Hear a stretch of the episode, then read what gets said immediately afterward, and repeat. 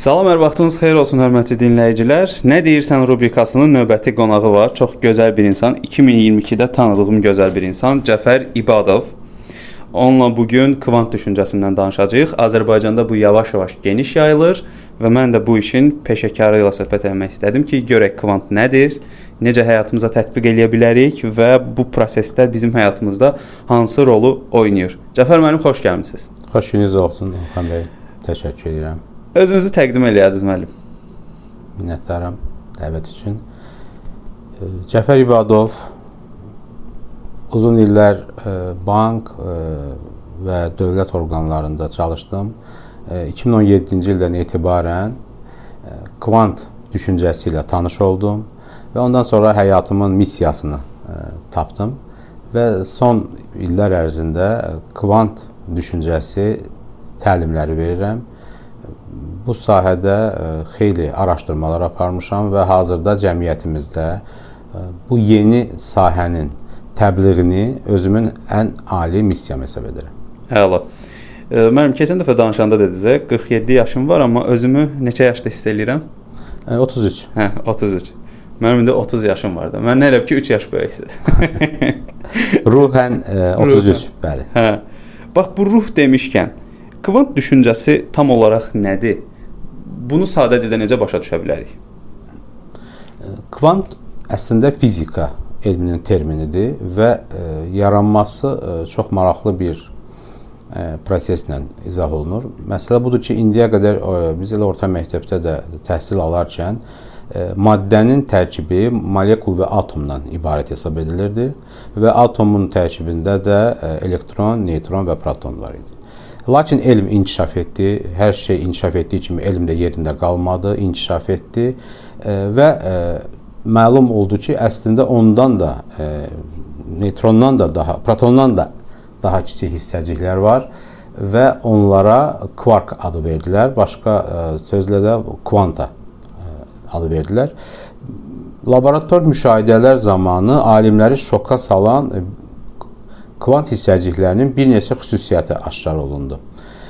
Bunlardan biri ondan ibarət idi ki, həmin hissəciklər eyni vaxtda bir neçə yerdə ola bilirdilər. Bəzən olub, bəzən olmurdular. Yəni bəzən müşahidə olunurdular, bəzən müşahidədən itirdilər.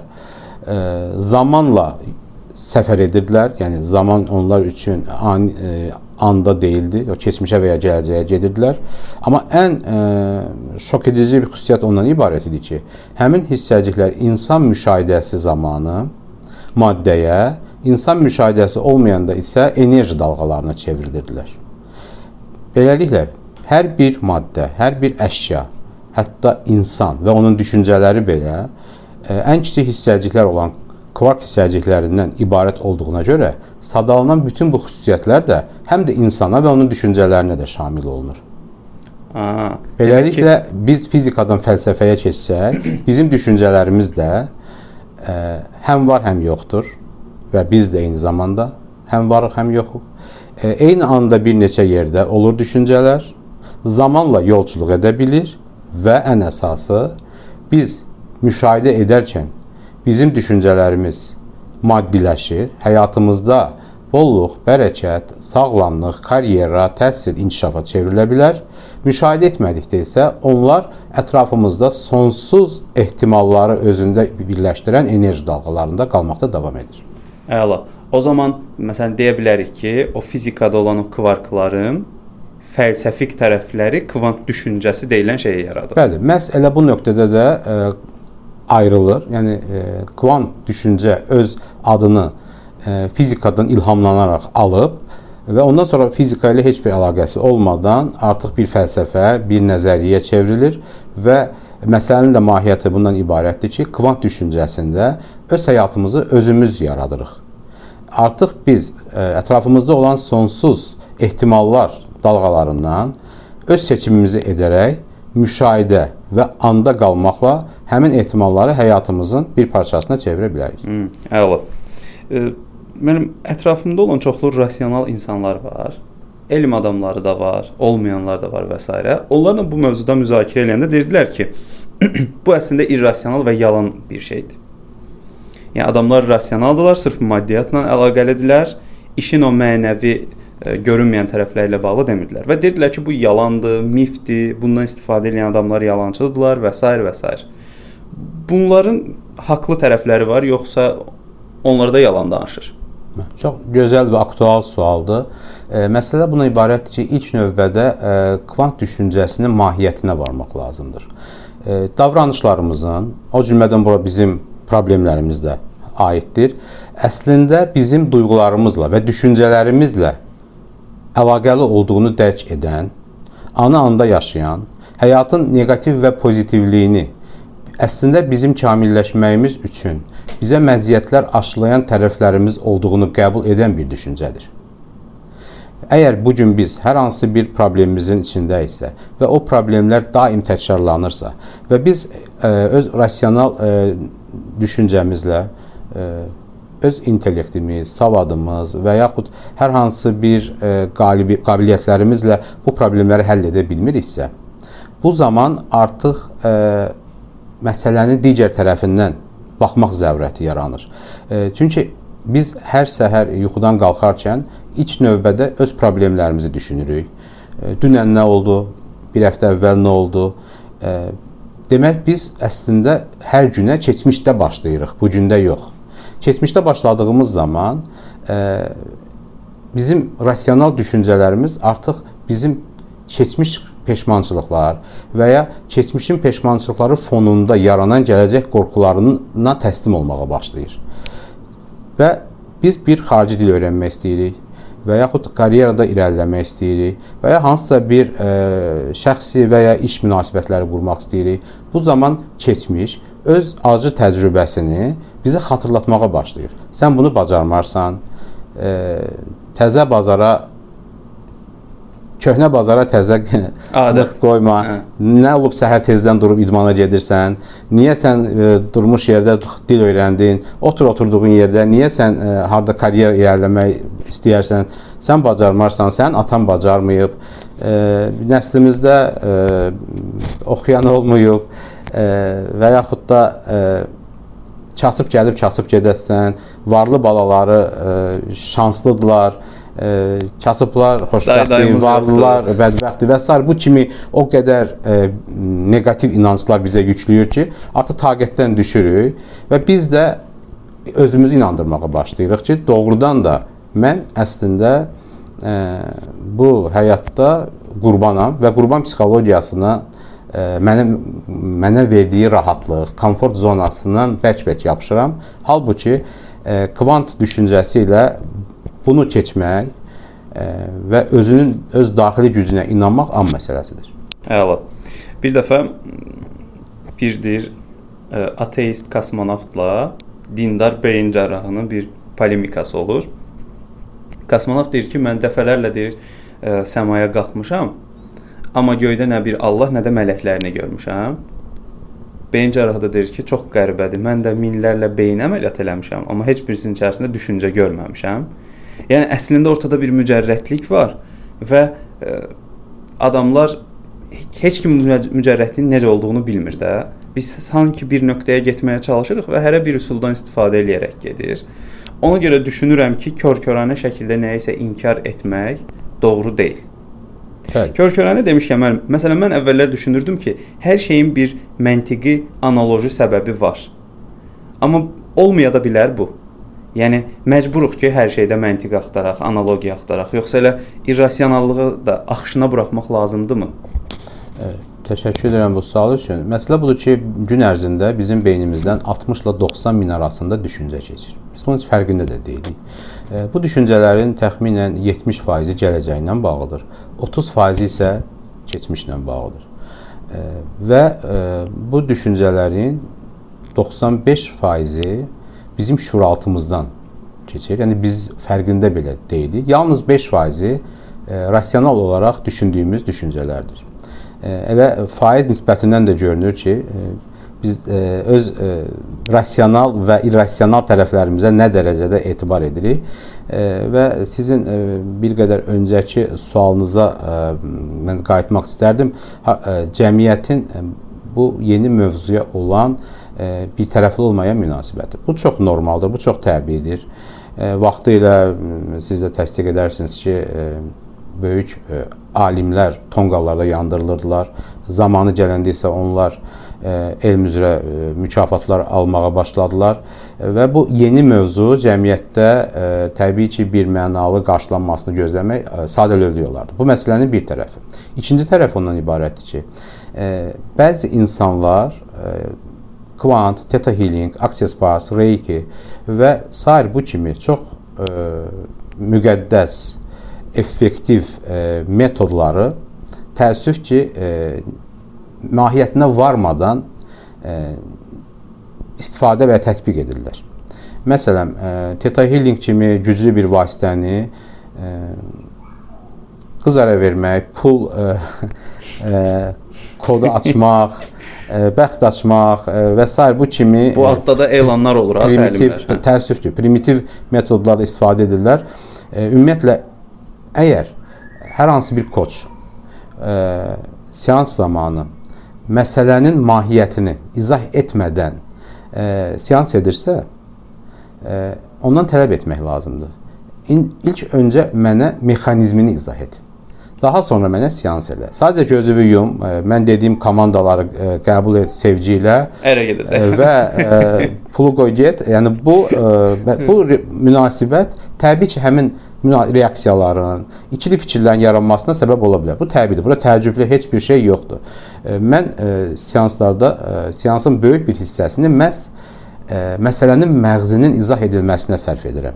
Onun texnika hissəsi isə ikinci dərəcəli hissədir və seanslardan sonra artıq insan o texnikanı nə üçün tətbiq etdiyini, o texnika hansı mexanizmlər vasitəsilə onun həyatını dəyişdirə biləcəyini rasional olaraq qəbul edir.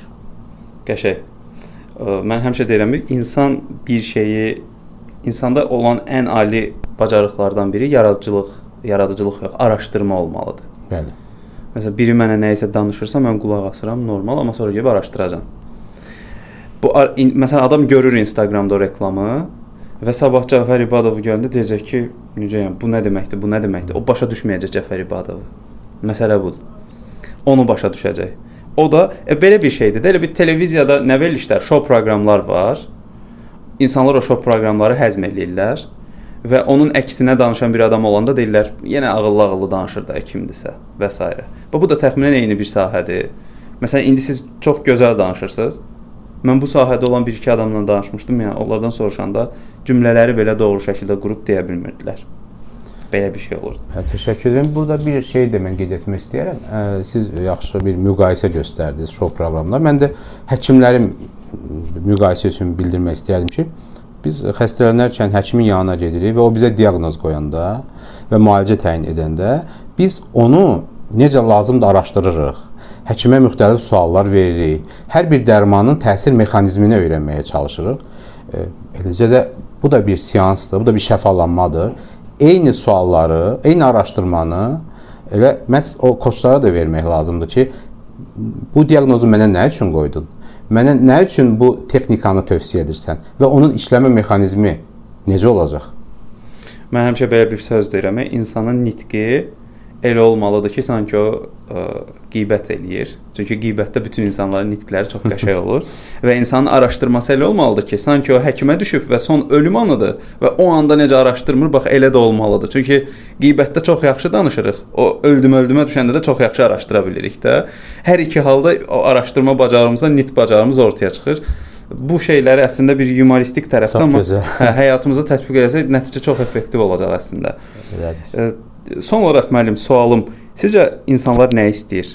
Azərbaycan insanı, gənci, e, balacası, böyüyü, hardasa karyera qurmuş və s. nə istəyirik biz? Ümumiyyətlə insanın ali missiyası xoşbəxtlikdir. Biz nə ediriksə edək, e, sual versək ki, bunu niyə etdim? Hər verilən cavaba niyə, niyə dedikdə son dayanacaq xoşbəxtlik olur. Niyə xoşbəxt olmalısan, olmaq istəyirsən sualına cavab yoxdur. Çünki xoşbəxt olmalıdır.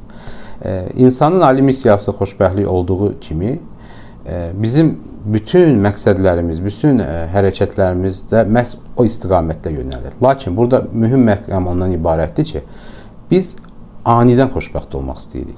Ancaq bu mümkün deyil. Bu artıq bir qədər illüziyadır. Bir qədər də özündə qorxunu ehtiva edir. Çünki ali duyğu sevgidir. Sevginin əksi isə qorxudur və biz sevgi ilə deyil, qorxu ilə öz hədəflərimizi müəyyən edəndə, qorxu ilə və e, tərəddüdlə öz planlarımızı cızanda qorxduğumuz qədər sevgini azaltmış oluruq. Və sevgisiz xoşbəxtlik mümkün deyildir. Anidən xoşbəxt olmaq bir çırpma ilə və ya hansısa bir seansla, hansısa bir texnika ilə bütün problemləri həll etmək bu gülüncdür. Və e, bir xarici dil öyrənərkən və yaxud hansısa bir e, proqram öyrənərkən biz onun e, öyrənilməsinə aylarla, bəzən illərlə vaxt sərf edirik. Gündə bir neçə saat sərf edirik. E, şuuraltımız o qədər həssas bir e, mövzudur ki, biz onu bir çıxma ilə, bir seansla dəyişdirək və yaxud da tamamilə həyatımızın bir anlığını çöndərək, bu mümkün deyil. Bu illüziya və saxtakarlıq üçün bir platformadır. İnsan öz şuuraltısı ilə sistemli və məqsədyönlü sürətdə, sürətdə işləməlidir. Hər hansı bir təlimdən aldığımız informasiya, aldığımız biliklər, ümumiyyətlə təlimin özü bizim düşüncələrimizi dəyişir. Lakin həyatımızı dəyişmək üçün həmin təlimdə öyrəndiklərimizi sistemli sürətdə həyatımıza tətbiq etdikdə nəticə görə biləcəyik. Mən təlimdən öncə və ya təlimdən sonra fərqli düşünə bilərəm. Ancaq bu mənim həyatımı dəyişəcəkmi? Ancaq təlimdə mənə verilən e, tapşırıqlar, orada olan texnikalar, nəzəriyyələri ardıcıl və iradəli sürətdə həyatıma tətbiq etsəm, bir etsəm bir müddət sonra e, bəzən buna 21 gün deyirik. Məsələn biz fundamental kvant düşüncə təlimində mən hər təlimdən sonra 21 günlük marafon e, keçirirəm. Çünki sadəcə olaraq təlimdə öyrəndiyim sağ ol evə get deyə bir yanaşma yoxdur. 21 gün müddətində məhz o öyrənilənlərin e, nəzarət altında sistemli şəkildə tətbiqini həyata keçiririk ki, sonra təlimin bitdikdən o 21 günlük marafon bitdikdən sonra da yenə də iştirakçıları yığıram və deyirəm kimin nə nəticəsi var və orada olan nəticələr, o insanların həyatında olan dəyişikliklər, sözün əsl mənasında inqilabi dəyişikliklər ki, onlar bəzən bunu möcüzə adlandırırlar. Onları bir-birimizlə bölüşmək, bölüşməyin verdiyi həzz, onun verdiyi xoşbəxtlik ölçüyə gəlməzdir. Çox qəşəng, əla. İndi siz danışanda belə bir şey düşündüm beynimdə. Bizim dərdimiz əslində xoşbəxt olmaq yox, anidən xoşbəxt olmaqdır. Amma anidən olan xoşbəxtlik bizi hər zaman uçuruma apardığına görə biz uçurumun kənarından dayanıb deyirik mən niyə xoşbəxt ola bilmirəm, hə? Tamamilə. Sən anidən istəyirsən bəli, də. Bəli. Çünki... Amma xoşbəxtlik bir dərin düşüncəyə dayanır. Bəli. Və o dərin düşüncənin içərisində yaranan xoşbəxtlik davamlı və uzun müddətli olur. Bəli, tam tam e, sizlə razıyam. Məsələ budur ki, biz e, daim həyatda bu sual qarşısında qalırıq. Xoşbəxt olmaq yoxsa haqlı olmağı seçirik. E, təəssüf ki, bəzən biz haqlı olmağı seçirik. Və bu zaman ə, biz xoşbəxt olmaqdan imtina etmiş oluruq. Hər ikisi də mümkün ola bilər. Təbii ki. Əgər biz haqlı olmağı seçsək, biz nə haqlı olmuruq, nə xoşbəxt olmuruq. Lakin biz xoşbəxt olmağı seçəndə həm xoşbəxt oluruq, həm də haqlı oluruq. Hə, qəşəng. Demək, hər ikisini seçmək üçün biz xoşbəxt olmağı seçməliyik. Demək ki, xoşbəxtlik həm xoşbəxtliyin özü, həm də haqlılıq səbəbidir. Bəli, təəssüf ki, bu həqiqət e, çoxumuz tərəfindən qəbul edilmir və adi məişət söhbətlərində, biznesdə, iş münasibətlərində, hətta avtomobillərin hərəkəti zamanı, o qəzalar zamanı hər iki tərəf özünü haqlı hesab edir. Ancaq rasional düşünsək belə iki tərəfdən yalnız biri e, haqlı ola bilər. Ancaq hər iki tərəf özünün haqlı olmağını seçir. Amma hər iki tərəf e, üzr istəyib e, bu olanı olan kimi qəbul etsə, hər ikisi xoşbəxt olacaq və eyni zamanda hər ikisi haqlı olacaq. Əla. Mən düşünürəm ki, indinin gerçəkliyi ilə keçmişin qor keçmişin narahatlığı və gələcəyin qorxusu arasında bir körpü olmalıdır və insan bu körpüdən necə, hansı vaxtda, hansı formada istifadə edəcəyini bilməlidir. Və ən əsas məsələ o körpünün mərkəzi indinin gerçəkliyi olmalıdır. Çünki keçmişə də dayansaq və yaxud gələcəklə də qopsaq, sıxıntılar yaranmış olacaq. Çox düzgün qeyd edirsiniz. Ümumiyyətlə kvantda ə, e, zaman dediyimiz yalnız andadır və biz öz həyatımıza hər hansı bir ə, e, bolluq, bərəkət, ə, e, iş, uğur, sağlamlıq, xoşbəxtlik və s. bu kimi maddiyyatları çəkmək üçün ə, bizdən tələb olunan iki xüsusiyyət var. Birincisi, biz özümüzün daxili frekansımızı e, ki, bizim düşüncələrimizin də frekansı var, özümüzün də frekansımız var, dal, e, dalğa tezlikləridir. Arzuladığımız maddiyyatın e, dalğa tezliyinə qaldırmalı. İkincisi isə anı yaşamalıyıq. Çünki həmin e, dalğa tezliyi yalnız anda gerçəkləşə bilər və siz də bunu çox düzgün qeyd etdiniz ki, yalnız anın gerçəkliyi bizim həqiqətimizdir. Biz nəyisə arzulayırıqsa ilk növbədə bu iki məqama xüsusi əhəmiyyət verməliyik ki, bu da e, bizim təlimlərdə çox e, detallı olaraq e, texnika və nəzəri cəhətdən tədris edilir. Əla.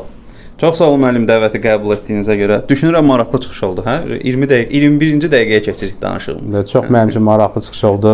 Xan bəy, mən e, sizi izləyirəm. E, sizin e, yayınları çox aktual mövzulara toxunursunuz.